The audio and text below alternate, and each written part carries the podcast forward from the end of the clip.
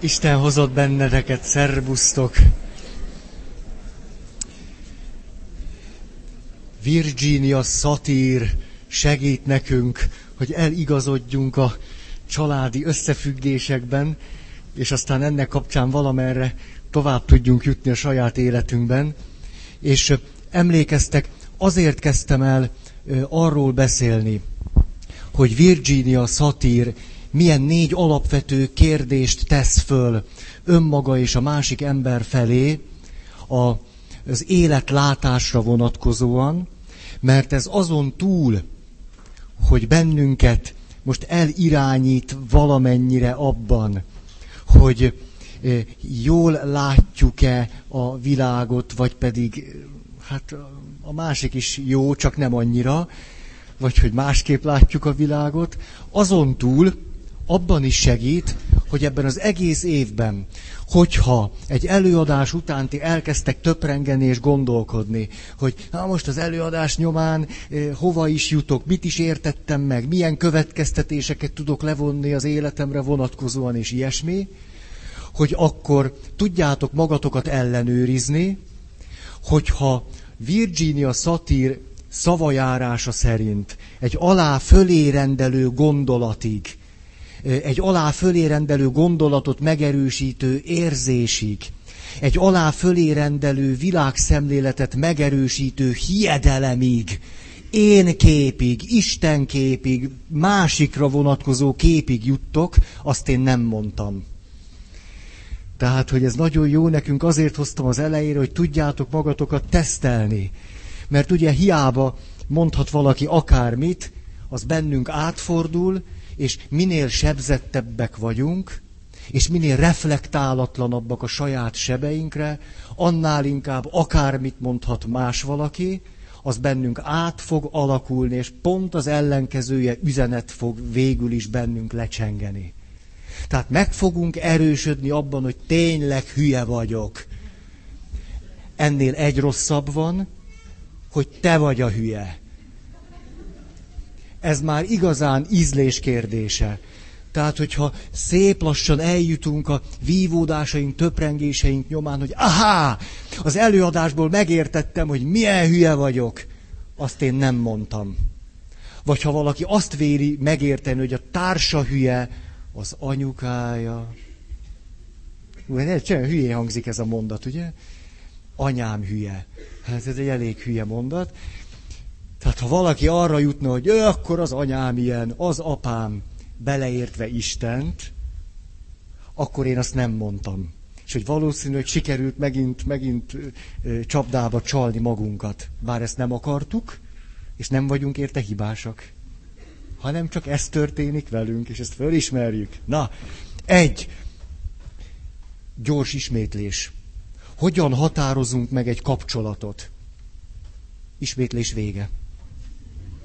Kettő. Hogyan határozunk meg egy embert? Ismétlés vége. Három. Hogyan határozunk meg egy eseményt? Ismétlés vége. Négy. Mi a változáshoz való viszonyunk? Az ismétlésnek nincs vége, mert itt akarok még valamit, valamit közbevetni. A, Istenre vonatkozóan töprengtem ezen, ugye azt mondja Szatír, a változás csak egy ö, alá fölérendelő szemléletmódban jó vagy rossz, hogyha egy fejlődési modellben gondolkodunk, akkor a változás szükséges. Egyszerűen csak ennyi. Szükségünk van rá. És akkor eszembe jutott egy anyuka. Édesanya. Az édesanyja eljött hozzám, és hosszasan ecsetelte azt, hogy mi baj van az ő lányával. És elmondta, hogy az ő lánya az, az elköltözött otthonról, hogy az ő lánya megbolondult, hogy az ő lánya nem hallgat rá, hogy az ő lánya önfejű, ismerősek az ilyen lányok? Katalin, nagyon bólogatsz. Szóval, Na tehát elmondta ezt, hogy hát a lánya így, úgy és tíridi. És utána hozzátette, hogy ő mennyire félti, mennyire aggódik érte, ő mennyire szereti, neki a lánya mennyire fontos, hogy ő mennyire mindent megtenne a lányáért, hogy a lánya milyen sok szempontból a vesztében rohan, hogy a lánya mennyire még fiatal és nem érti az életet, hogy a lánya igazán gazdagodhatna az ő élettapasztalatából, tehát gyönyörű dolgokat mondott, nagyon szépeket. De minden tulajdonképpen arra a rugóra ment ki, jöjjön vissza a lányom, és csinálja úgy, hogy én akarom. Ez végül is lehet ezt szépen is mondani, de erről volt szó. Legyen nulla változás, mert én akkor biztonságban vagyok, a dolgok úgy mennek, hogy én akarom. És ezt hihetetlen szépen be tudjuk csomagolni. Ő nagyon szép csomagolást készített, ilyen igazi 21. század. Tehát rögtön levennéd a polcról. Kibontod, és mint a házasság. Tehát az, elején gyönyörű csomagolás, és akkor Na, a papság is ilyen. Oh, semmi különbség. Tehát kár irigykedni, hogy jó, ez, ez mindig nagyon, nagyon tanulságos, mikor valaki nem tudom, házasként úgy el elmereng, ó, lehet papnak kellett volna menni. Főleg, ha nő. Ó, az... nem, nem sem. Tudnék mesélni. Tessék? Távolról édesebb. Hát nem tudom. Le- lehet. Lehet. Na, ott tartunk, hogy anyuka, és egyszer csak valami eszembe jutott, hogy emögött a fene nagy szeretet és gondoskodás és törődés és oltalom és biztonság és tapasztalat és átadás és mögött tulajdonképpen mi a csuda fészkel. És mint Baltazár professzornak zseniális ötlet körvonalai rajzolódtak ki agyamban. Vagyis rájöttem, hogy ez az anya egyszerűen bizalmatlan. Ugyanis, ha bízna a lányában, nyugodtan el lehetne engedni. Ha bízna önmagában, hát ha jól neveltem. Ha bízna az Istenben, hát ha se én nem neveltem jól, se ő nem elég jó pofa, Istennek még van egy-két dobása. Ha tehát az anya szeretetre, gondoskodik, akármire hivatkozik is, valójában egy nagyon mély sebzettségéről beszél, bizalmatlan. Bizalmatlan. És ez, mikor szembesítettem őt ezzel, messze futott. Látszott, hogy ennek a, ennek a gondolatnak a befogadására nincs ereje. Nincsen. Hát az egész életét arra a hipotézisre építette, hogy ő, ő Isten hívő, keresztény, ő, ő hisz, és ő, és egész életét, és stb. És a szíve mélyén egy mély bizalmatlanság. Ezt, na most itt két irányba akarok elmenni. Az egyik, az Istenre vonatkozik. Hogy ha ez az anya elengedni a lányát, a fiát, hmm, akkor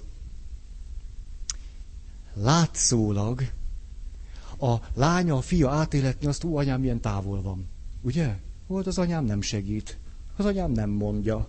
Az anyám nem szól bele. Az anyám nem csinálja helyettem. Az anyámnak nincs egy ötlete. Valójában ez azonban a bizalomnak a jele. Nem lehetséges-e az, hogy az a tapasztalatunk, hogy Isten távol van, vagy nem szól, vagy nem mondja, vagy nem eléggé, vagy nem így, nem úgy, nem amúgy, hogy ez az Isten valódi bizalmának a jele? Nem lehetséges-e ez? Ha, hogy az Isten nem ezt mondja, nagyon szeretlek, de csináld úgy, hogy én mondom. Hanem az, én nagyon szeretlek, és csináld úgy, ahogy gondolod. Ez nem bizalom? Ah. És nem lehetséges-e az, hogyha ha Isten kicsit belehúzna, inkább ne, uram, ne, épp elég, hogy az nem a bizalmunkat erősítené meg, hanem inkább a félelmeinket növelné. Elkezdenék jobban me- meghunyászkodni, jobban igazodni, vagy jobban lázadni, vagy valami ilyesmit tennénk. Erre jutottam az Istenre vonatkozóan. A, az emberi kapcsolatokra vonatkozóan pedig, ahogyan ezt Virginia Satir is mondja, ha valakinek van elég... Ha valakinek van elégséges önbizalma, és képes bízni a másikban, most már az Istenbe vetett bizalmat nem is mondom, ez azt jelenti, hogy sokkal mélyebben tudta megalapozni a biztonságot. Ugye, hogyha nincs változás, és a birtoklás, aláfölé rendelés mindennek úgy kell lenni, hogy én mondom, ahogy megszoktam, ahogy nekem ismerős és elfogadható, az jelent egy biztonságot. Szatír azt mondja, a biztonságnak sokkal jobb alapot is adhatunk, ő így mondja, az önbizalmat. Na, ezt akartam még ismétlésként.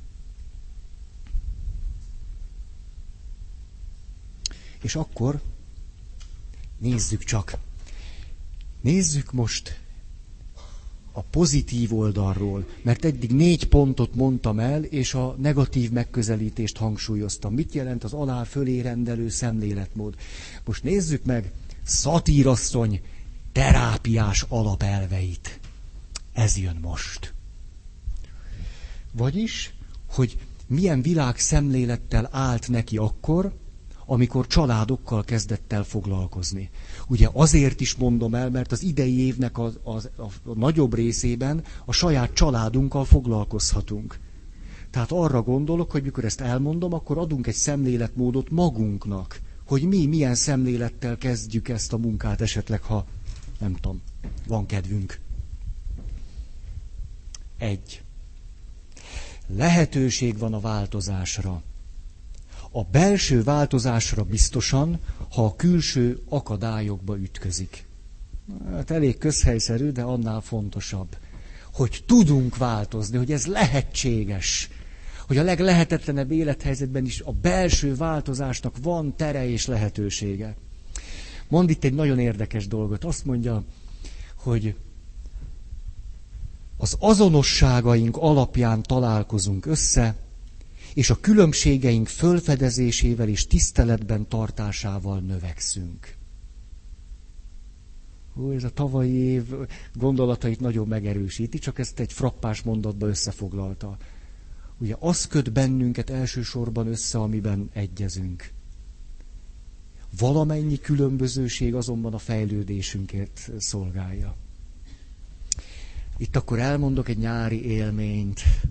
Ó, a változásról. Macedóniában voltam, ott csavarogtam. Nem csak az országot gondolom itt, hanem az egész tájegységet. Emiatt Észak-Görögországnak a tavai, hegyei, stb. És elmentem a Vikosz szurdokba. Volt már valaki ott? Vikosz kanyon. A Guinness rekordok könyvében is szerepel, egy méter, egy méter, egy kilométer magas sziklafalak, közte a Vikosz patak kiválta a maga medrét, ez még önmagában nem lenne akkora szám, de a sziklafalak között ott fönn az égnél is kevesebb a távolság, mint egy kilométer. Ezért aztán néhány órán keresztül süt csak be a nap.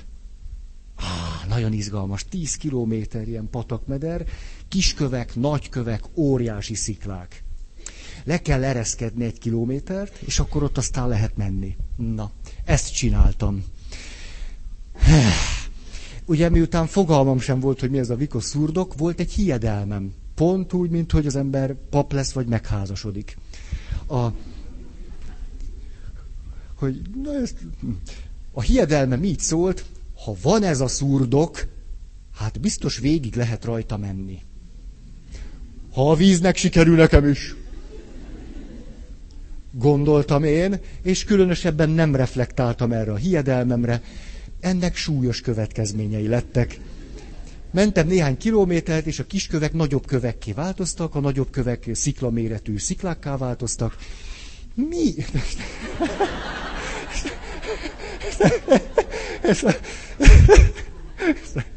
Na, most is legfeljebb ugye az előítéleteimmel dolgozhatok, hogy mit gondolok arról, hogy te mind nevetsz. A, de nem lennék a férjed. Na, szóval... Ha most kinevetnél engem. Na. Szóval, körülbelül 5 kilométer után, amit mondjuk egy fél nap alatt tettem meg, hát megyek jobbról, megyek balról, középről is, nem mint a viccben, tudjátok, a postás csönget, és a, nem kétszer többször is. Ismeritek ezt a viccet? Jó. A, tehát leginkább járhatónak egy olyan föntről három-négy méter magas sziklafal tűnt. Tehát, hogy ott kellene leereszkedni, és ott tovább lehet menni.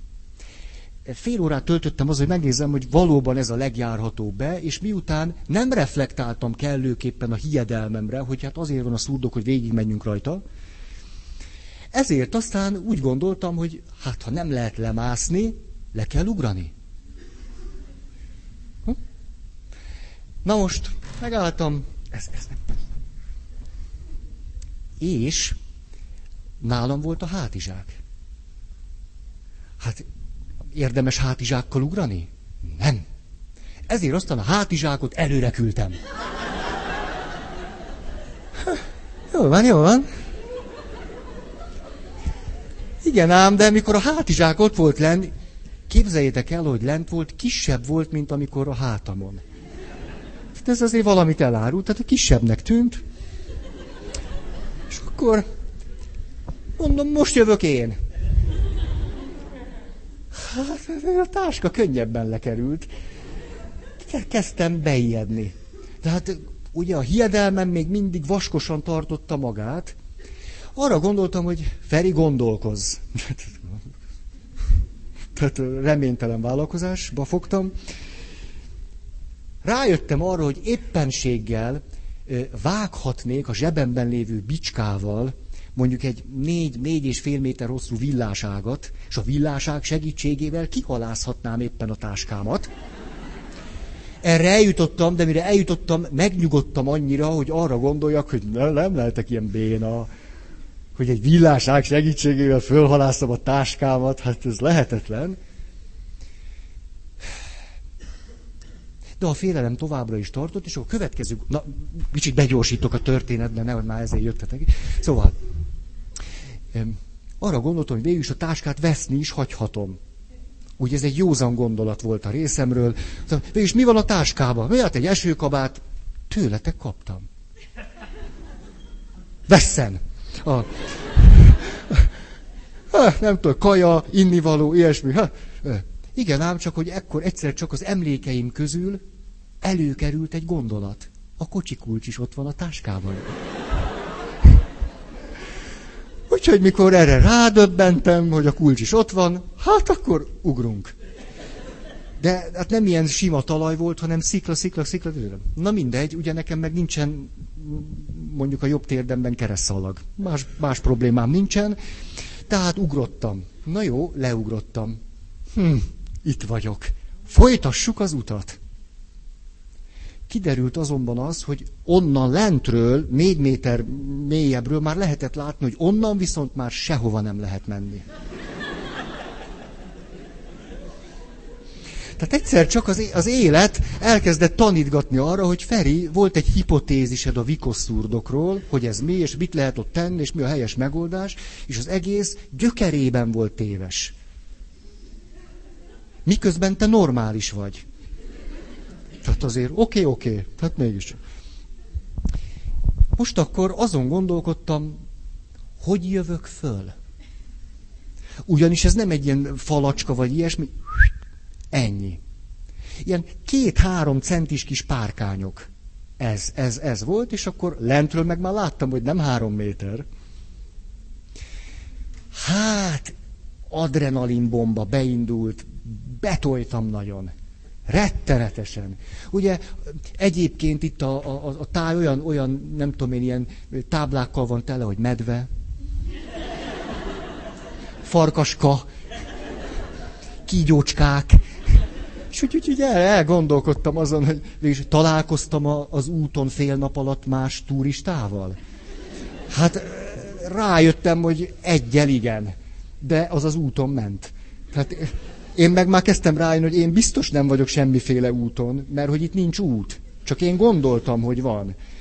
Na, hát nem volt kedvem ott aludni. Tehát a kocsi kulcsom már megvolt, de hát ugye ez... Hát leültem gondolkodni, ez eddig se vezetett eredményre, de látjátok, ez, ez egy másik hiedelem. Tehát, hogy, hogy de jól átgondoljuk, és jobb lesz. Arra jutottam, hogy hát akkor ezen a falon föl kell menni. Na de hát egy táskával? Tehát a táskát földobtam.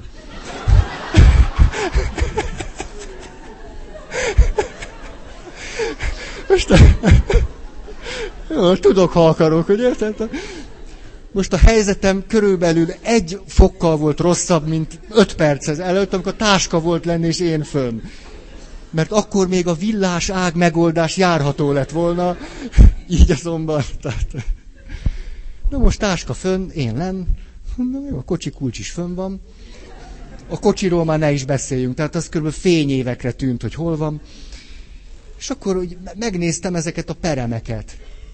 És arra jutottam, hogy én nekem ahhoz erőm nincs, hogy így, így ilyen, ilyen... Én... Tehát tájcsiba nem vagyok jó. Tehát ez a... Hogy tehát az elképzelhetetlen, hogy én így megyek egy osztást, és akkor így függök, és ilyen három centin, és, és akkor ott elgondolkodom, hogy most merre. Tehát, hogy ez nem. Ráadásul, hogy ezt megpróbáltam, rájöttem, hogy mondjuk a cipőmnek az orra, ahol még a lábujjam nincs is, az körülbelül két-három centi. Tehát ugye sikerül rálépnem a peremre, tulajdonképpen a lábam nincs rajta, csak a cipőm. Ezt ki mondta? Hát ezt tettem. Ugye az ember tovább gondolkodik, föl kell dobni a cipőt is. Úgyhogy levettem a cipőt, zoknit hagytam, a sérülések elkerülése miatt, ugye az, az a biztonság fontos dolog, fölküldtem a cipőt is. Hát ez szép. Tehát most az... És végül is arra jutottam, hogy tehát se olyan erős nem vagyok, hogy megbírja kapaszkodni, az lehetetlen. Ugye, tehát egyetlen egy esélyem van lendületből. Tehát, hogy az, tehát erőből nem, hát ha erő nincs, akkor abból nem megy. Tehát lendületből, nekifutás, kisperem, tik-tik-tik-tik. Néztem a National Geographic-et előző héten, ott láttam, hogy 150 év gyakorlás után hogy csinálja a pókember. mi, mi volt? Minimaxon. Azt se tudom, mi az, na mindegy. Szóval, de hát a vérnyomásom, hát szóval 180 per 170, a pulzus 200 körül, tehát egy... És hát neki lendültem. Hát ugye azzal, hogyha mondjuk a felénél úgy, úgy van, hogy nem, akkor... Hát akkor farkas, medve, kígyó, valamilyen verzióban. Tehát ha és akkor fölértem valahogy. Föl. Tehát lendület, adrenalin, jó Isten, ezek így együtt. A sorrend megint nem perdöntő. És akkor fönn így el, el, elterültem a sziklán, és egy ilyen tartósabban módosult tudatállapotba kerültem. Komolyan? Tehát egy olyan, egy, egy olyan, olyan állapotba kerültem, amit még addig sosem éltem át. És akkor ez tartott körülbelül olyan 5-10 percig, amíg ez lecsengett. És ez aztán ilyen nagyon-nagyon, nagyon-nagyon erős gondolatokhoz, fölismerésekhez vezetett. Hogy én mondjuk 10 perccel ezelőtt az egész világot totálisan másképp láttam. És elég volt egy ilyen helyzet, hogy jaj, mi lesz velem, föl kell menni, és minden megváltozik, minden, minden. Nincs, nincs egyetlen eleme sem a világlátásomnak, ami ugyanaz lenne, mint tíz perccel előtte volt. Hogy te jó ég, hogy micsoda döbbenetesen, végletesen beszűkülten látom az életet. Hogy minden, ami itt történik, mondjuk, hogy ilyen általános érvényűnek tűnő kijelentéseket merészelek egyáltalán tenni, hogy ez valami micsoda elképesztő vakmerőség és, és badarság. Tehát egyszer csak az, hogy nem tudom én együtt érezni egy másik emberrel, vagy nem tudom nézni egy filmet, és ott azt gondolni, hogy értem, vagy, vagy ott, nem, ott vagyok, annyira nevetségesnek tűnt. Tehát egyszerűen azt éltem át, hogy halvány gőzöm sincs, hogy ti veletek mi van. Tehát, hogy olyan szinten gőzöm sincs, hogy mit érzel, mit gondolsz, hogy, hogy, hogy az a csoda, hogy egyáltalán képesek vagyunk valamennyire együtt élni. Hogy ezt hogy csináljuk, ez csoda, csodának tűnt föl előttem. Miközben gőzünk sincs egymásról. Ezt a két dolgot akartam mondani, hogy, hogy egy ilyen helyzet is minden megváltozik, de minden, és minden, és minden. És közben a történet számomra arról szólt, hogy, hogy van egy hipotézis a fejemben, hogy a szurdokon végig lehet menni. De hogy honnan igazából nem tudom, egyszerűen csak van, és nem reflektálok rá. És nagyon nagy bajba tudok miatta kerülni. Miközben végig gondolkodom, és cselekszek, és érzek, és próbálok, próbálok valahova jutni. De ez valahogy számomra olyan modellértékűvé vált hogy mintha pontosan ez történne egyébként velünk. Tehát fogalmunk sincs, hogy a társunkkal, a szüleinkkel, a gyerekeinkkel mi van. Hát valamilyen hal, halvány sejtéseink vannak, meg ilyesmi. Tehát egyébként, hát, hát legjobb lenne mélységes alázattal a másik szemébe nézni, hogy hát gőz, gőzöm sincs. Tehát, hogy és hogy egyetlen téves hipotézis, ami valahonnan jön, és nem történik rá reflexió, akármeddig el tud bennünket vinni. Ezért akartam ezt elmondani.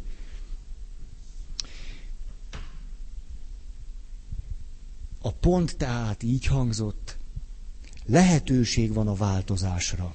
A belső változásra biztosan, ha a külső akadályokba ütközik. A hadd beszéljek arról, hogy ti milyen furfangosak vagytok. Rájöttem erre. Hogy gyakran tapasztalom azt, jön valaki, és azt mondja, én nekem egy nagyon eh, nehéz problémám van a nőtársammal.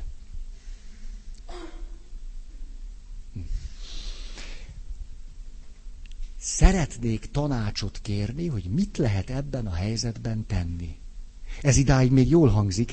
Valójában a tanácskérés tulajdonképpen arra a logikára van fölfűzve, Feri atya, tudsz-e valamilyen trükköt, amit eddig nem tudtam, hogy sikerüljön a társamat megváltoztatni? Oh, jó, háromszor meg van csavarva. Tehát sokszor, amikor a végső pontig jutok, egy olyan pontig, ahol, ahol kívülről azt lehet mondani, hát itt már muszáj egy kicsit változni, hogy nagyon, egy kicsit most már muszáj lesz. Különben nem megy tovább az élet. Hogy még, még akkor is azon tudunk ötletelni, hogy van-e valami trükk, amivel a másikat meg lehetne változtatni. És hogy mondjuk a lélektant arra használni, hogy hogyan tudnám mégiscsak, hogy ügyesen, akkor bele ragadtam ebbe az alá fölé rendelő viszonyba.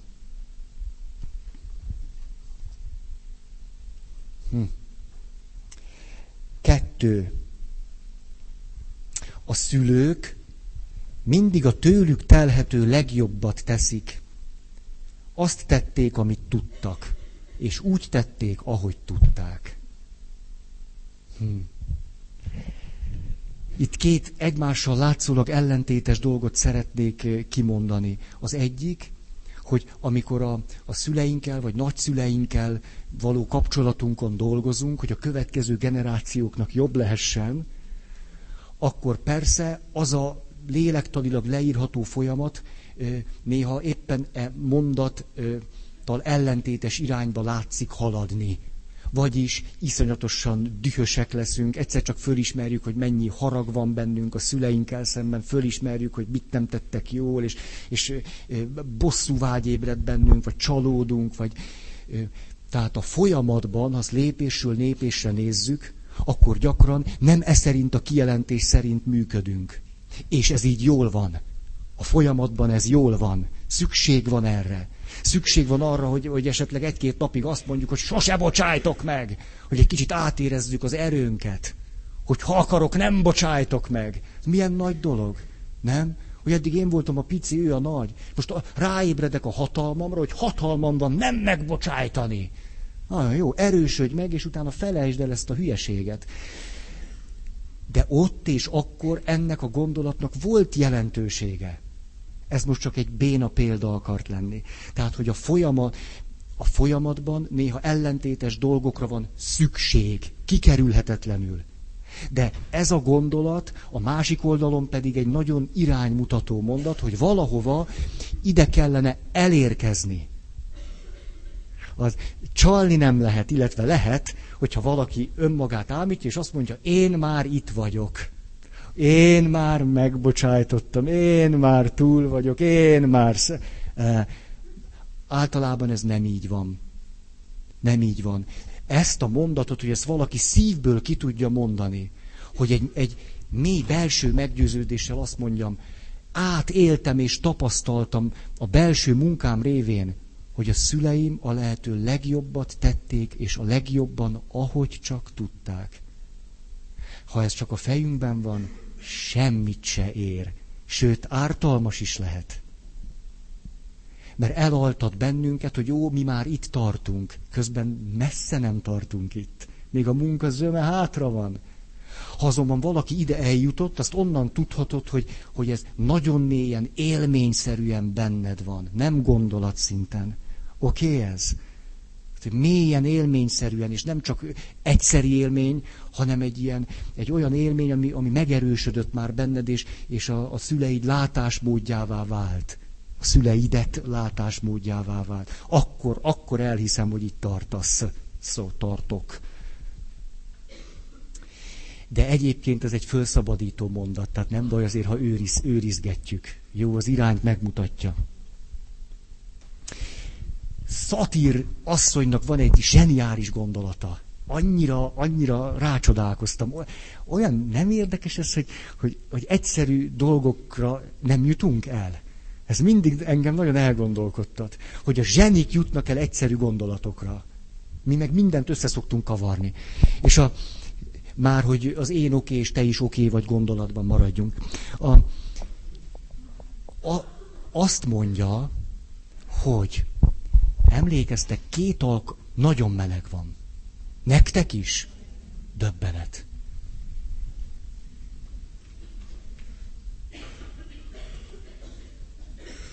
Legközelebb ilyen lyukacsos trikóba fogok jönni. Nagyon szép lesz. Szóval, emlékeztek két alkalommal ezelőtt azt mondta szatírasszony, hogy az alá fölé rendelő nézőpontunkat gyakran a szerepek leírásával fejezzük ki. Tehát, hogy anya, gyerek, tanár, diák, szülő, kölyke, a mm, mm, pap, hívő. Vagyis, hogy ameddig az apukádra és az anyukádra kizárólag úgy tudsz nézni, hogy apa és anya, fogalmat sincs róla, hogy ő ki. Még mindig csak egy szerepen keresztül látod őt ha az a valaki, aki a te apukád és anyukád még mindig csak apa vagy anya, akkor valójában ebbe az alá fölé rendelő szemléletmódban látod őt. Hű, messze még a vége. Mondok egy nagyon izgalmas gyakorlatot. Rácsodálkoztatok már arra, hogy a, szüleiteknek van neve? Ugye az egy milyen érdekes dolog? Nagyon ritka, hogy egy családban a gyerekek a szüleiket a keresztnevükön szólítják. Ismerek ilyen családot, de nagyon ritka. Tehát, hogy a gyerek, egy tíz éves gyerek szól az apukának, és azt mondja, hogy Zoli. Ez nagyon ritka. Én nem is gondolom, hogy kellene. Ne, ne, nem gondolom, mégis csak apuci. De, hogy, hogy, az, hogy az apámat így hívják, hogy én neki egyszer ezt mondjam, vagy hogy, hogy, hogy, hogy ez az ő neve? Hát ez, ez egész... Megvan nektek ez az élmény? Hogy hogy, hogy lehet, az iskolában, amikor mondták, akkor nem azt mondták, hogy anya, hanem hogy mit tudom én, és ott mondtak egy nevet. Ez hogy, hogy? Elővettem gyerekkori fényképeket, és egyszer csak ott van édesanyám első áldozóként. Ugye mélyen átéreztem, hogy hát halvány gőzöm sincs, hogy az anyukám mit élhetett ott át akkor. Mi a csuda lehetett a fejében, ó, mi, milyen volt a fölkészítés, ez, ez jó volt neki, vagy nem, vagy mi lehetett vele. Itt látok egy kislányt, és gőzöm sincs róla, de, de hát amit gondolni tudok róla, az valószínű, hogy inkább nem úgy van, mint hogy úgy van. És közben pedig, mikor azt mondom, hogy az anyám így, az anyám úgy, akkor mennyire tudni vélek mindent. Ugye? Hogy én azt, én tudom, hogy ők ezt csinálta, azt csinálta, ilyen és olyan. És végül is csak egy szerepről beszélek. És ameddig csak az anyámat semmi másnak nem látom, mint anyám, addig én mindig magamat csak úgy látom, hogy gyerek. Ezért nem történik meg a fejlődés. Mert igazából ebbe az alá fölé rendelő viszonyba ragadtam bele. E, ez szerintem egy zseniális meglátás a szatírasszonynak. Ismerjük meg szüleinket a nevük alapján. Ki hát? Három. Itt jön az ő áldott optimizmusa. Az ember alapvetően jó, és rendelkezik a változáshoz szükséges erőforrásokkal. Hm. Ezekre a belső kincsekre azonban, amik a változáshoz szükségesek, amelyek megvannak az emberben, rá kell találni. Azt nem mondja, hogy ingyen adják, vagy hogy mindig a fölszínen van és kézben tartható. Néha nagy munka, hogy elővegyük, de így van.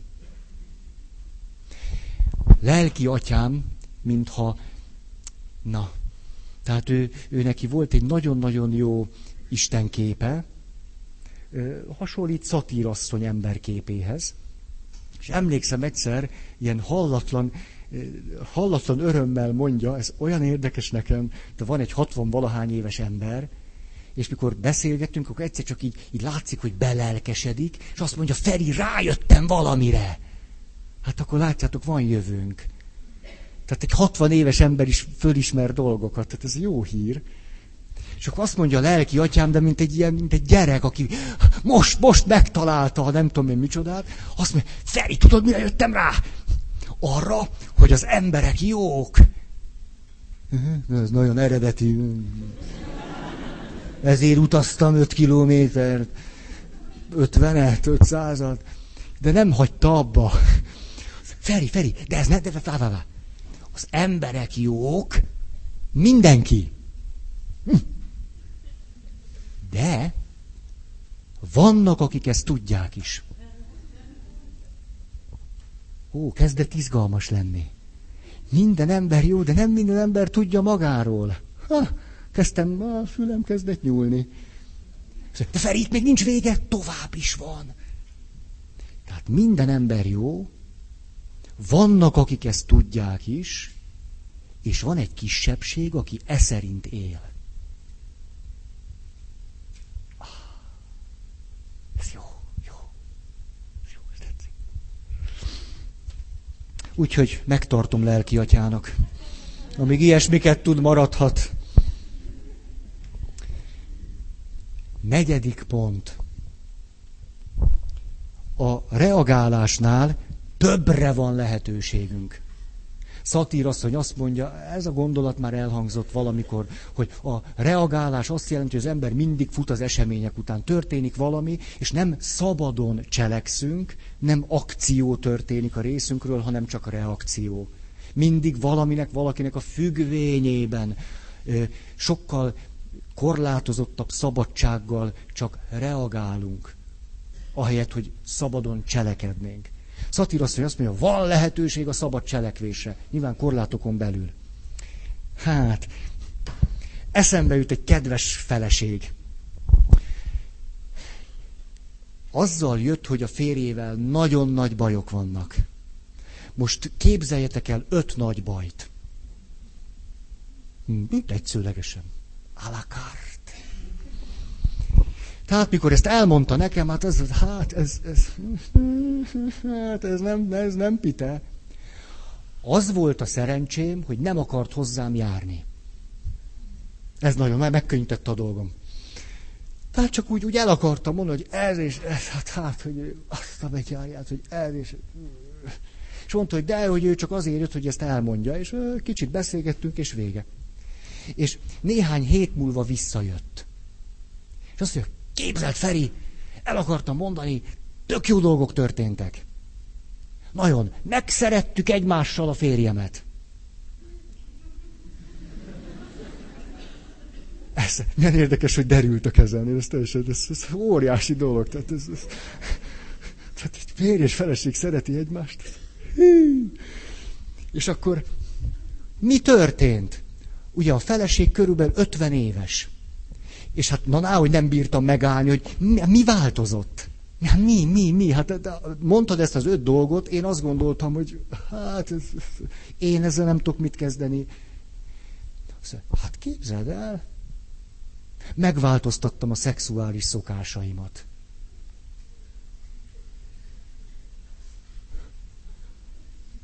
Kicsit elpirult, tehát még nem ért a végére.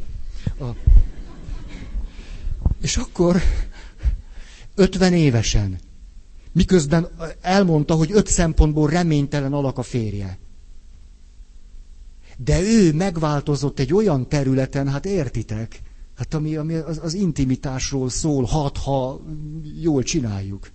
Hogy, az, hogy ő ilyenre vállalkozott, 50 évesen, miközben azt gondolta a férj, hogy ilyen, olyan és amolyan. Hát, na, ná, hogy megint kérdeztem egyet.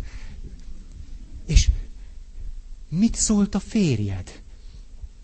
Azt mondja, a férjem, hát a férjem azt mondta, ha miért nem húsz évvel ezelőtt voltál ilyen?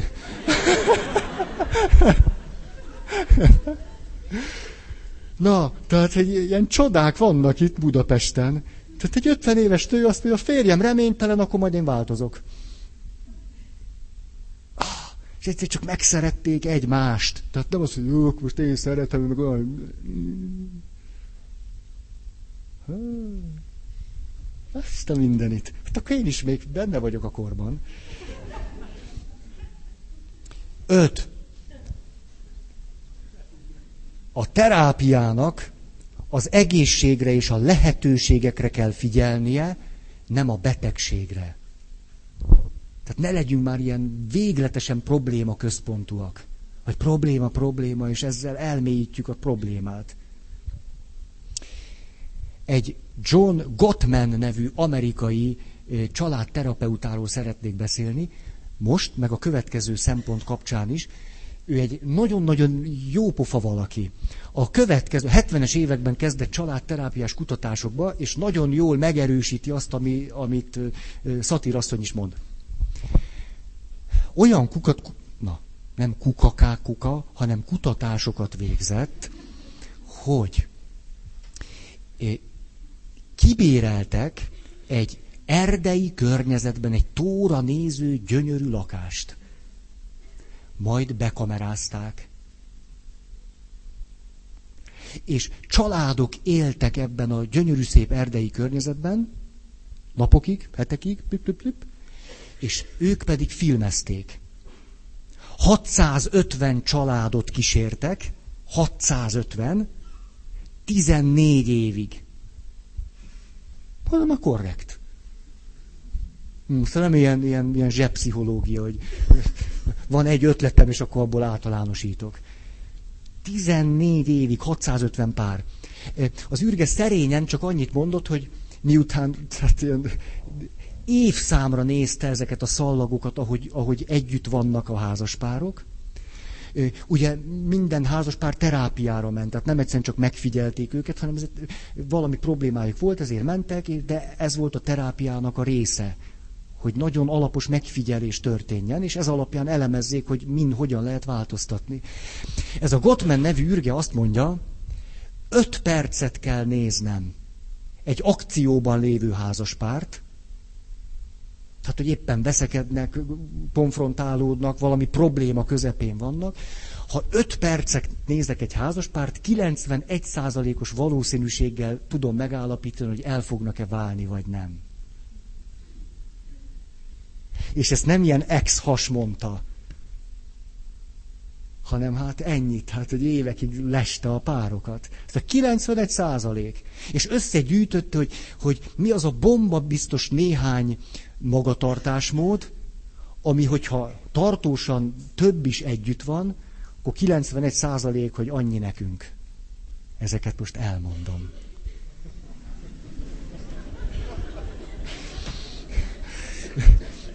Hát, hogy legyen mit gyakorolni. Azt mondja, már látom, hogy, hogy van, aki nagyon nekiállt írni. Ezt nagyon... Mielőtt elkezdeném mondani, mert egy kicsit előre szaladtam, ugye, hogy, hogy nem, nem, nem akarok szenyózni, ez, ez jön nekem. Tehát, tehát, nem, nem, tehát nem tudatosan vagyok szemét, hanem értitek, tehát ösztönösen. A, hogy azt mondja, csurog az izzadság a combomon lefele. Elsősorban lábam között. Nektek meg a feneteket nem, nem irigylem. Jó, zűrös? Jó, bepálottatok. A, a, a, a test nagyon fontos. A test, hát a test, az nagyon... Az nem jutka a test.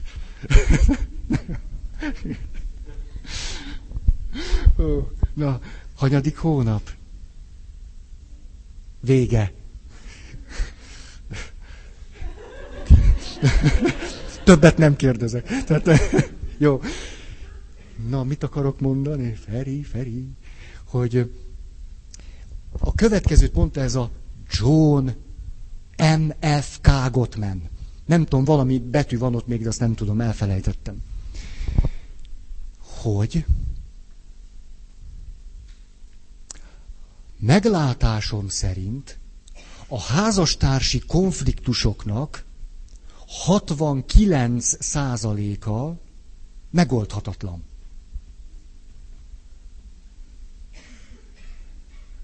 Ugye, tehát 69 százaléka megoldhatatlan, vagy olyan ö, problémából, konfliktusból ered, amely állandósult és nem változik.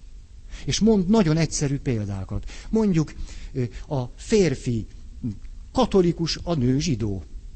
És mind a kettő hívő. És a nő azt mondja, gyerekek legyenek zsidók. A férfi azt mondja, legyenek katolikusok. Ez egy megoldhatatlan probléma. Az ő elgondolásában, mert vagy ilyen lesz, vagy olyan. Vagy se, se az. Tehát vagy mondjuk, az egyik rendszerető, és azt mondja, muszáj, hogy a dolgok rendben legyenek. Már cipők, zoknik, sálak, kabátok, kalapok. Ezt most tudom mondani fél tízig. A másik azt mondja, válasszuk ki a lényegeseket, azok, tehát a lakás falai álljanak, a többi az, akkor már nem estünk szét. Megoldhatatlan. A férfi azt mondja, azért heti ötször szeretnék veled szerelmeskedni. A nő azt mondja, én meg egyszer se. De... Megoldhatatlan. Tehát egyszerű dolgokat mond, csak olyan egyszerű, reális dolgokat. Azt mondja, a konfliktusoknak, problémáknak 69%-a ilyen. Azt mondja tehát, hogyha azok a párok jutnának előre, vagy azok a párok tudnának csak együtt maradni, akik a megoldhatatlan problémát megoldják, ilyen nincsen. Tehát a megoldhatatlan problémát nem lehet megoldani. Tehát valami más stratégiára van szükség, hogy egy megoldhatatlan, az a kérdés tehát, hogy egy megoldhatatlan helyzettel hogyan tudunk együtt élni. Ezt mondja, azok a párok maradnak együtt, akik elsajátították azt, hogy megoldhatatlan helyzetekkel meg tudjanak békélni.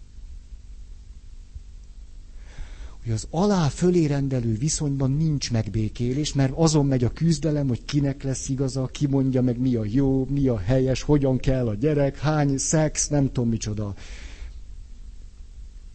ez nem fölszabadító ez? Tehát, hogy a, a hm. tehát négy házasságból háromban biztos, hogy találunk ilyet. Nem lehet megoldani. És mégis van remény. Mert ha nem lehet megoldani, akkor nem kell megoldani. Nem jó ez? Tehát, hogy 50 évig próbálni megoldani egy megoldhatatlan, nincs rá szükség. Az ember egyszerűen kikerülte. De hogy ki tudjuk kerülni, azért az komoly munkával jár. Itt jön be a különbözőségeknek az elviselése, elfogadása. Itt, hogyha ha nem váltunk át növekedési modellre, akkor a megoldhatatlanba belepusztulunk, akkor beleválunk. Ez akart az ötös pont lenni, tehát, hogy a terápiának a lehetőségekre kell irányulnia, nem megoldhatatlan problémák megoldására. Van egy nagyon kritikus megjegyzése azokkal a terápiás beavatkozásokkal szemben, amelyek kizárólagosan a kommunikáció fejlesztésére irányulnak. Azt mondja, lehet akármennyit fejleszteni a kommunikációt, ha előítéletes marad a pár, annyi nekik. Tehát eddig ordítva mondtam, hogy hülye vagy, most szépen be tudom csomagolni.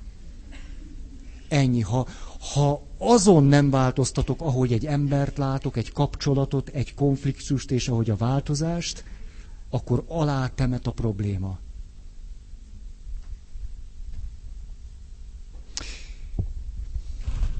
Egy, egy példa ehhez, hogy miért gondolom, hogy ez fölszabadító. Elnézést kérek azoktól, akik a, a példáimat néha már vasárnap meghallgatják, de nyilván bennem egy-két dolog nagyon elevenen él, mert ö, egy klienssel beszélgetve odáig jutottunk, hogy ez a valaki azt mondja, hogy tulajdonképpen, hát azt az üzenetet kapta otthonról, nem kimondva, kifejezve, egyszerűen csak az összefüggésből ez jött elő, hogy győzd le a halált. Hol? Hogy? Hát ez az. Azt már nem mondták meg. Csak az, hogy győzd le a halált. Ez látszólag egy, egy, egy eszetlen, eszetlen gondolat, valójában sokkal több emberben benne van hogy valahogy nekem le kéne győznöm a halált, hogy előbb-utóbb. Tehát, különben nem leszek boldog, vagy nem tudom micsoda. Hogy ez szörnyű dolog, és halál elrabolja tőlem az életet, vagy ilyesmi. És az jelentette a megoldást ennek a valakinek, hogy egyszer csak ilyen élményszerűen átélte azt, hogy a halált nem kell legyőznie. Tehát, hogy nincs ilyen feladat. Hogy abba döglött, halál, halálfélelemmel jött. Tehát az volt a témája, hogy nem bír a sötétben aludni. Tehát ahogy megy az éjszaka, minden nap, minden nap. Ezért évtizedek óta fölkapcsolt lámpánál alszik. Kép, ahogy sötétedik be, kezdi a félelem őt el, elővenni. És ugye, ahogy visszamentünk, kiderült, hogy ez a sötéttől való félt, a sötét, ez egy megfoghatatlan valami, a halál állt mögötte. Mert valahogy az volt benne, a halált le kell győzni.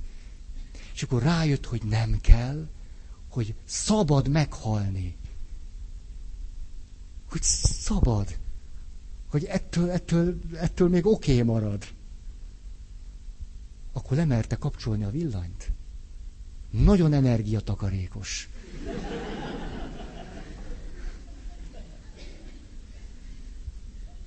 Ó, és én rajta keresztül éltem át ezt nagyon. Mekkora dolog ez, hogy egy megoldhatatlan dolgot nem kell megoldani. Micsoda szabadság.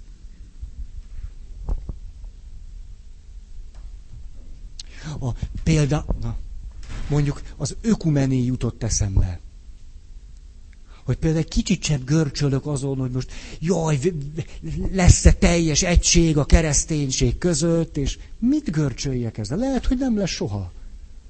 Nem? Most most ez, ezen, ezen rágódjak, és akkor erről beszéljek vasapról vas, hogy testvérek nem vagyunk egyet, és ez szörnyű, és értsük meg már egymást. Nem, lehet, hogy sose lesz. Sose eljön a világ vége, és ott katolikusok, protestánsok, ortodoxok, szabad egyházasok. És így lesz vége. Na hát legyen így. Hát e- e- e- ezen tegyen tönkre magam. Az Isten üzenetet csorbát szenvedett. A, a megosztottság tönkre tesz minket. Nem, hát, lehet, hogy nem kell megoldani. Csak élünk, élünk. Nem mondjuk, hogy az ortodoxok hülyébbek, mint a katolikusok, vagy fordítva. Nem, minek ez? Erre jutottam.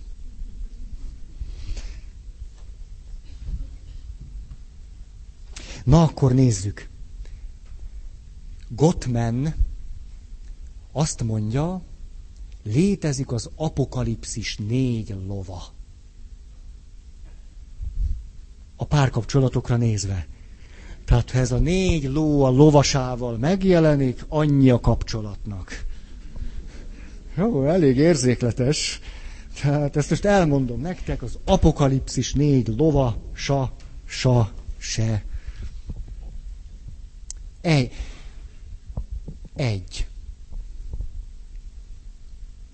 Hát így mondja, defenzív viselkedés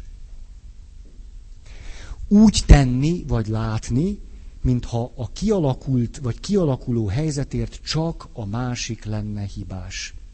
Csak a másik felelne érte, és én nem. Ezt nevezi így. Hát ez a teljes aláfölé rendelő szem. Ő a hibás, ő van lent, változzon rossz, és én nem vagyok érte felelős, én nem vagyok benne, nem vagyok oka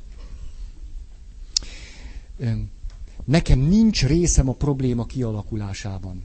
A probléma azért áll fönn, mert a másik ilyen, olyan, amolyan nem érti, nem... A, ahogy ebben a szemléletben gondolkodtam, egyszer csak ráláttam egy házas párra. Ahogy a problémájuk elmélyült, a feleség a következő gondolatokig jutott el, elkezdett vaskos szerepeket kiosztani a férjének. Elkezdett már nem a férjéről beszélni, hanem már csak a szerepeiről. Tehát azt mondta, beteg ember, agresszor. Mindjárt nézem, mit mondott még, mert fölírtam. Nem képes a meghittségre elkezdett ilyen szerepeket mondani róla, és magát is elkezdte teleaggatni ilyen szerepszerű kijelentésekkel. Ilyeneket mondott, hogy én egy megvert feleség vagyok. Ami egyébként nem is volt igaz. Aztán magára hagyott anya. Bűnbánó keresztény. Egy áldozat.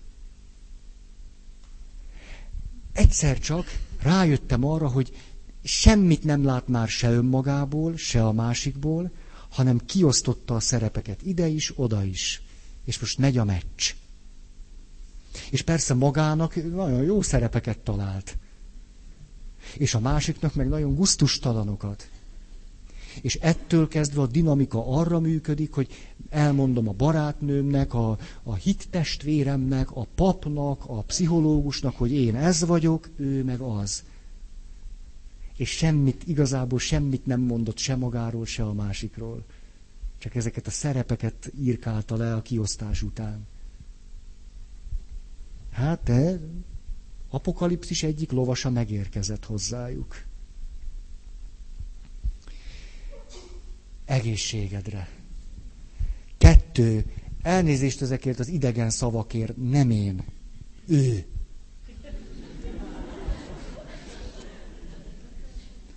Obstrukció. Vagyis az egyik fél kikapcsol, hogy a másiktól jövő támadásokat hárítsa. Ez az, mikor az egyik neki esik a másiknak, és kezdi mondani, hogy már megint a tejet nem raktad a hűtőbe. Ezt nem hiszem el, hogy hányszor kértelek, hogy a tejet a hűtőbe rakd. Nem lesz a gyereknek tej, ha te nem rakod a hűtőbe. Ugye, tehát ilyenkor aztán gondolatunk van ezer. De persze nem ez a lényeg, hanem hogy beléd rúgtam egyet. Na most, mit gondoltak, hogy a férfiak vagy a nők hajlamosabbak arra, hogy elmeneküljenek? Mennyi női hang.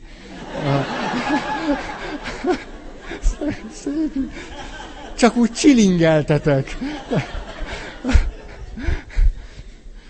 a 85 százalékban a férfiak menekülőre fogják a dolgot. Gottman azonban nem ítélkezett a férfiak fölött, hanem nekiállt a férfiakat vizsgálni. Vegyünk csak vért a férfiaktól. Nézzük csak meg a pulzusukat, nézzük csak meg a vérnyomásukat, és kiderült az, hogy mi nyomorult férfiak, amikor beindul egy konfliktus, sokkal-sokkal gyorsabban és keményebben harci állapotba kerülünk, és lassabban nyugszunk meg. Vérnyomás, pulzus, teljesen. És hogyha sokáig tart, akkor a hormonháztartásunk is puff, ezért a férfi evolúciós stratégiából kiindulva kerüli a túl sok konfliktust. Legkomolyabban. Hát,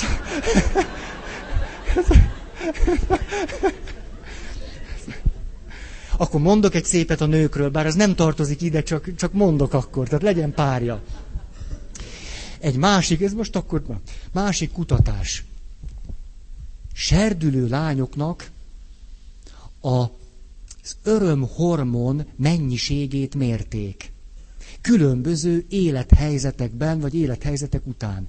Szex, kaja, ö, ö, ö, serdülő lányok egymással való fecsegése, barátnőzködése, program, programozása, tanulás. Muneka, azt nem tudom, de na. És mi derült ki? Az, hogy egy serdülő lány örömérzete sok esetben, amikor a barátnőivel ilyen nagyon-nagyon-nagyon-nagyon, az jobb, mint a szex. Tehát üti sokszor a szexet. Micsoda? Cipőbolt.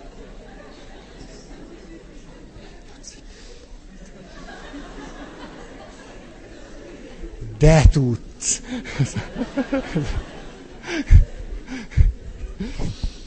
Az később van.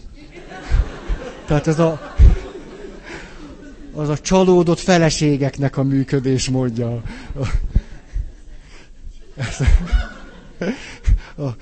Na, ezt akartam mondani, és ez nekem például megint egy ilyen, egy ilyen vaskos előítéletemre hívta föl a figyelmemet. Hogy mindig azért egy pici, pici ilyen értetlenkedve néztem a nőket, bár hogy ezeket nem tudom, a gimnazista hittanosaimat, ahogy ilyen vége láthatatlanul keverik, kavarják, és mindig, persze mindig vannak drámák, és, és mindig történik valami iszonyú, és, és én, én meg kívülről az egész nem is értem. Tehát, hogy, hogy tehát öt percet nem tudnék azzal eltölteni, amivel napokat foglalkoznak. És hogy még az volt bennem, hogy te talán, tehát, és rájöttem, hogy nem kell ezen semmit se változtatni. Hát ti, ti jól működtök. Tehát rátaláltok arra, hogy mit, mitől jó nektek. Hát hurrá! És hogy ezért lehetséges az, hogy nem tudom, az egyik barátnők összevesznek 17 évesen, akkor vége a világnak. Ezt... Még ez visszajön nektek? Hát én emlékszem.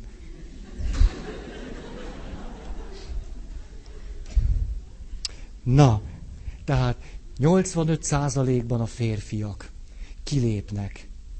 És hogyha ha, ha egy konstruktív konfliktus venné kezdetét, de a másik mindig kilép, akkor megjelent a második lovas.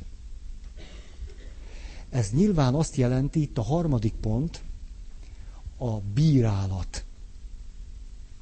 amikor a másik személyét érő bírálatok hangoznak el. Ez az apokalipszis harmadik lovasa, és itt megint egy, egy, egy nagyon, ez a recsegés, egy megint sajátos trükk. Nagyon gyakran hallottam azt férfiaktól is, nőktől is. Egyszerűen a feleségemmel nem lehet megbeszélni. És hogyha eljöttek, és láttam, hogy mit gondol ez a férfi arról, hogy megbeszélni, akkor azt gondoltam, a feleségnek teljesen igaza van. Mert a, amit a férfi megbeszélninek mondott, hát az a másiknak a gyalázása volt. Egyszerűen a, a megbeszélés semmi másra nem ment ki, mint az alá fölé rendelő logikában legyalázlak, bebizonyítom, lyukat beszélek a hasadban, minősítgetlek és ilyesmi. Tehát megbeszélni. Ez tehát azt jelenti, hogy most összeáll a, összeáll a rendszer, hogy a férfiak ugye 85%-ban menekülnek, de lehet, hogy van rá okuk. Tehát azért a két szempont a kedvesen egymásra tud találni. És közben a nő azt mondja, hogy de hát én csak meg akarom beszélni. Hát a férfi nem ezt érzi.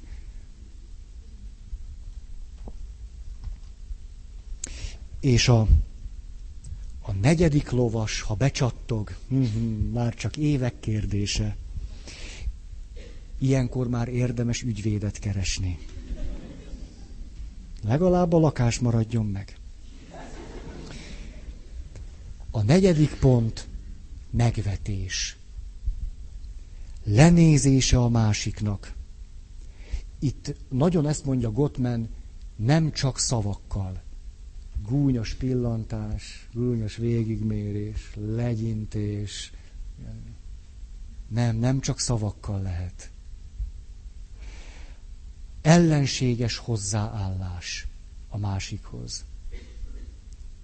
Illetve annak a szándéka, hogy kellemetlenséget okozzak a másiknak. Tehát, hogy fájjon neki. Azt mondja, hogy ha ez a négy van, akkor a helyzet nagyon nehéz. Hát akkor, ha nem történik változás, akkor szinte borítékolható a vállás, vagy, vagy az elhidegülés. Tehát nyilván lehet tovább élni, csak akkor, akkor iszonyat messze vannak egymástól, akkor kellően megvédik magukat, de az intimitást fizetik árként, vagyis hogy az akkor nem történik meg. És Gottman még mond három tartalék pacit. Tehát ha ezekből valamelyik pihenne a, nem tudom, kaptárban, akkor a durvanyítás, a párokat néztem, és hogyha egy, egy beszélgetés egy, egy durva nyitással, ő így nevezte, durva nyitással kezdődött, tehát egy becsmérlő megjegyzéssel, vagy na, megjöttél, mondjuk egy ilyennel, akkor ő azt mondta, hogy nagyon egyszerűen, ami rosszul kezdődik, gyakran végződik rosszul. Okos volt. Tehát durvanyítás, bíráló, gunyuló, megvető, és akkor itt megint a saját tapasztalatból. Emlékszem egy férfire, képtelen volt a különbséget megérteni a között, hogy vicc és humor, meg a között, hogy a másikon gúnyolódok. Tehát ő mindig azt mondta, hogy ó, nekem zseniális humorérzékem van, ezek nehéz helyzetekben mondok egy ilyen jó pofát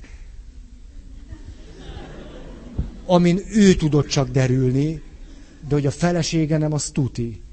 Tehát amit a férfi kifejezetten jópofának gondolt, és ilyen erényként beszélt róla, hogy ezt olyan, olyan frappánsan tudom meg, meg, megmondani. Hát az a másiknak a gyalázása volt.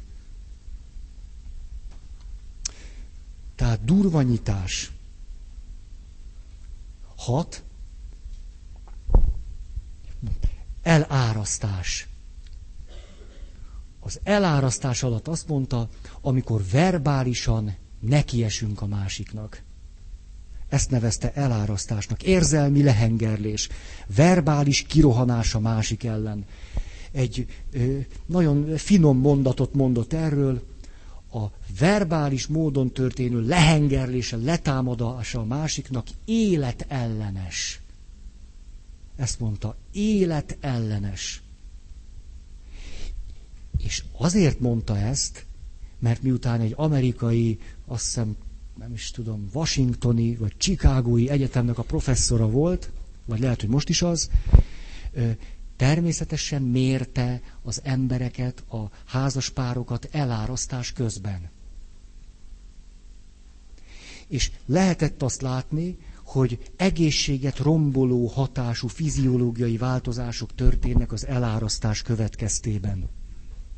Ezért azt mondta, az, amikor lerohanunk valakit, és mondjuk, és ütjük, vágyjuk a szavainkkal, ez ezért életellenes, a szó szoros értelmében, nem szimbolikusan.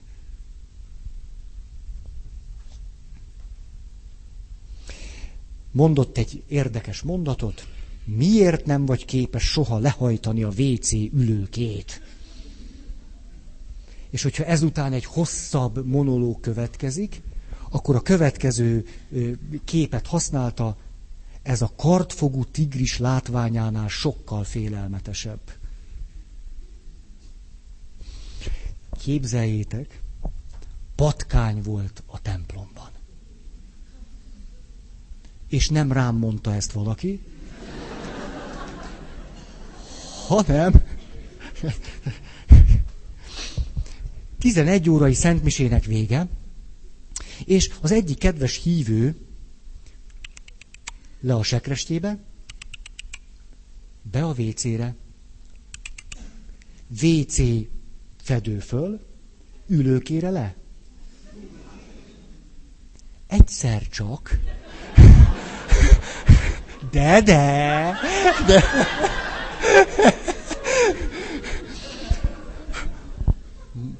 A templom patkánya, ugye, föltörtünk, tehát a WC csészének a vizéből Hú, itt vagyok. Tehát ez hasonlatos lehet az én vikos szurdoki élményemhez. A, egyszer csak azt lehetett látni, hogy nő, már nem nő senki, hanem hogy a hölgy, tehát ilyen hiányos öltözet szerűen, és mondja, lamantin van a WC-be, vízi disznó beszorult a WC-be menjünk le és nézzük meg, de ezt az él... De, hát ezt, ezt az élményt nem kívánom senkinek. Képzeljétek el, tehát békésen. Tehát azt gondolom, hogy ténylegesen van egy hely, ahol az ember nem számít támadásra. És, a, és a, az édesanyák több gyerekkel ezt nagyon alá tudják írni. Egy csomó édesanyja mondta, egyetlen hely van, ahol néhány percig így ez a WC, az utolsó menedék, de hogy ez se. És, és azt mondja, nem tudom, mit egy óriási állat van, benn a vízből jön fölfelé. Áltunk ott néhányan férfinek nevezhető humanoidok. Egyházközség elnöke.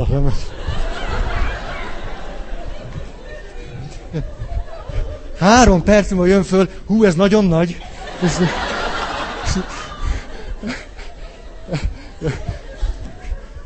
Atya, na nézzük csak, ez, ez, ez, ez, ez, ez óriási a feje. Mert ő csak a fejét látta. És a, hogy és itt egyszer csak megint a döbbenetes előítéleteink, ott áll Laci a hajléktalan.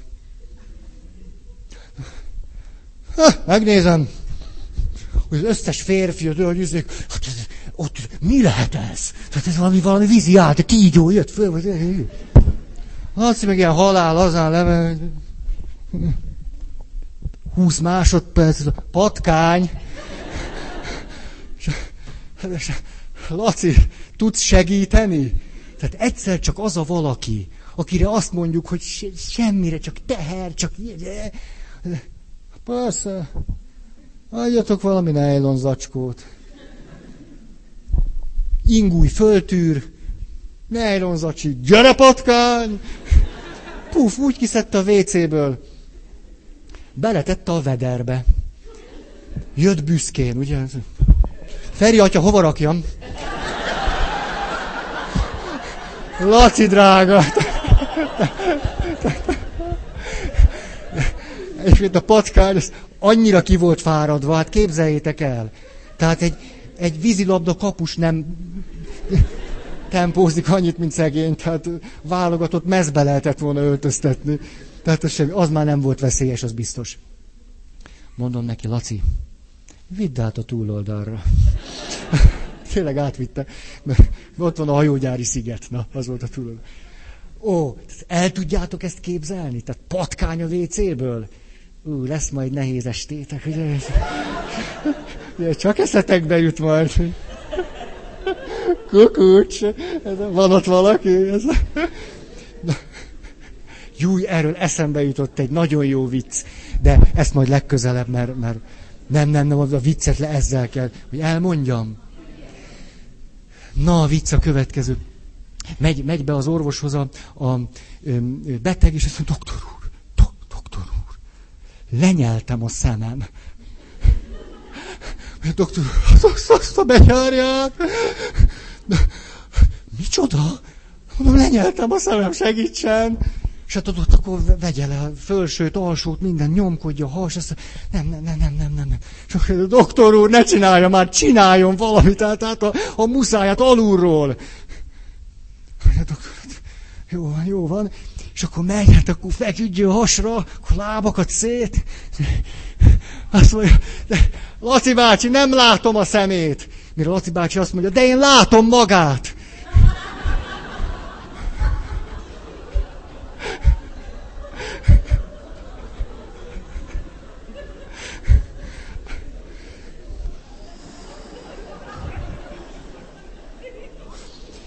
Ami a vasárnapi beszédből kimaradt címmel tartottunk előadást. Na, de a, a, arról a félelemről, vagy félelmetességről akartam beszélni, amit az elárasztás jelent egy házastársi kapcsolatban. Nagyon köszönöm a figyelmeteket. De hát már teljesen túlfutunk, akkor mondom, korrekciós próbálkozások kudarca. Vagyis, hogy a veszekedés hevében képtelen az önreflexióra. Ha elindult a veszekedés, már annyi. Megy a maga útján, képtelen megállni, belátni, reflektálni, fölismerni. Harmadik tartalék, paci. Köszönöm a figyelmeteket. Akar-e valaki hirdetni?